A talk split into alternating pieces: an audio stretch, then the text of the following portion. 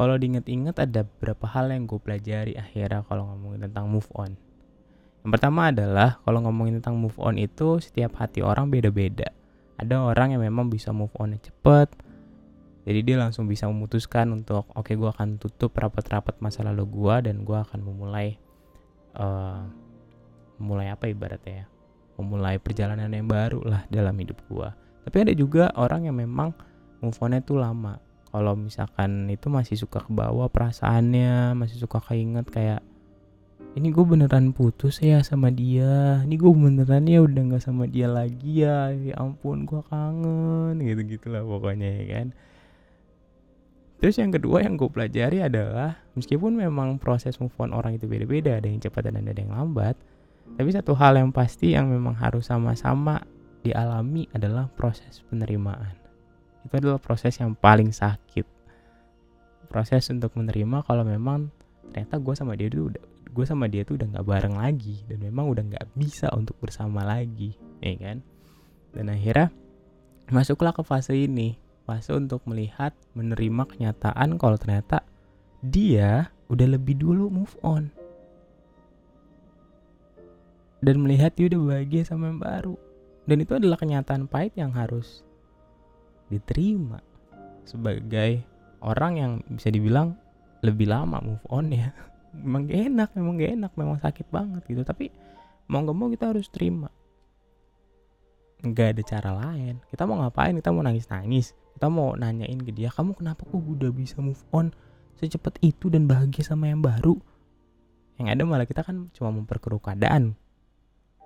Kita malah masuk dan jadinya PHO buat hubungan orang malah nanti kita jadi nggak nggak bisa move on lebih sulit lagi move on ya. Tapi masuk di yang ketiga ketika gue belajar untuk menerima kenyataan yang ada dan gue melihat dia udah bagi sama yang baru akhirnya masuklah.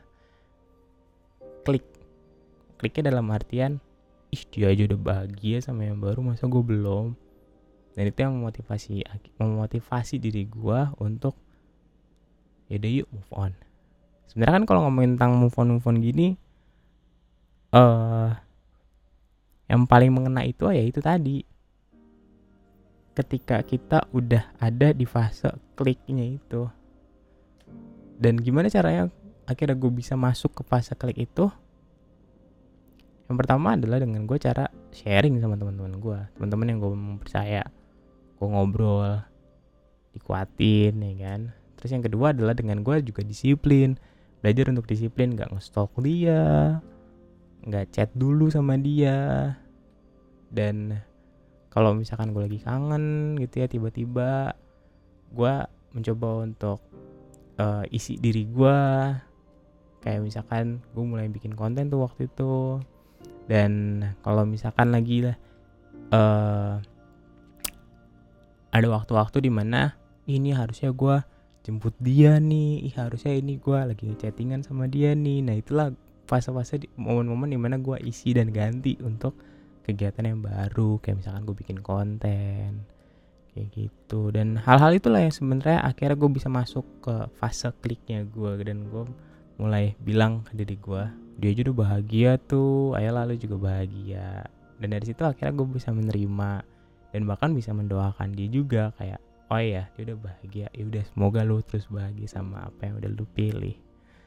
Gitu. Dan perlahan bisa kok move on bisa kok sembuh. Karena gitu tadi kita fokus akan apa kita fokus sama diri kita untuk uh, apa yang harus diperbaiki apa yang harus ditinggali apa yang harus kita raih lagi. Biar bisa jadi pribadi yang lebih baik lagi ke depannya. Gue belajar gitu sih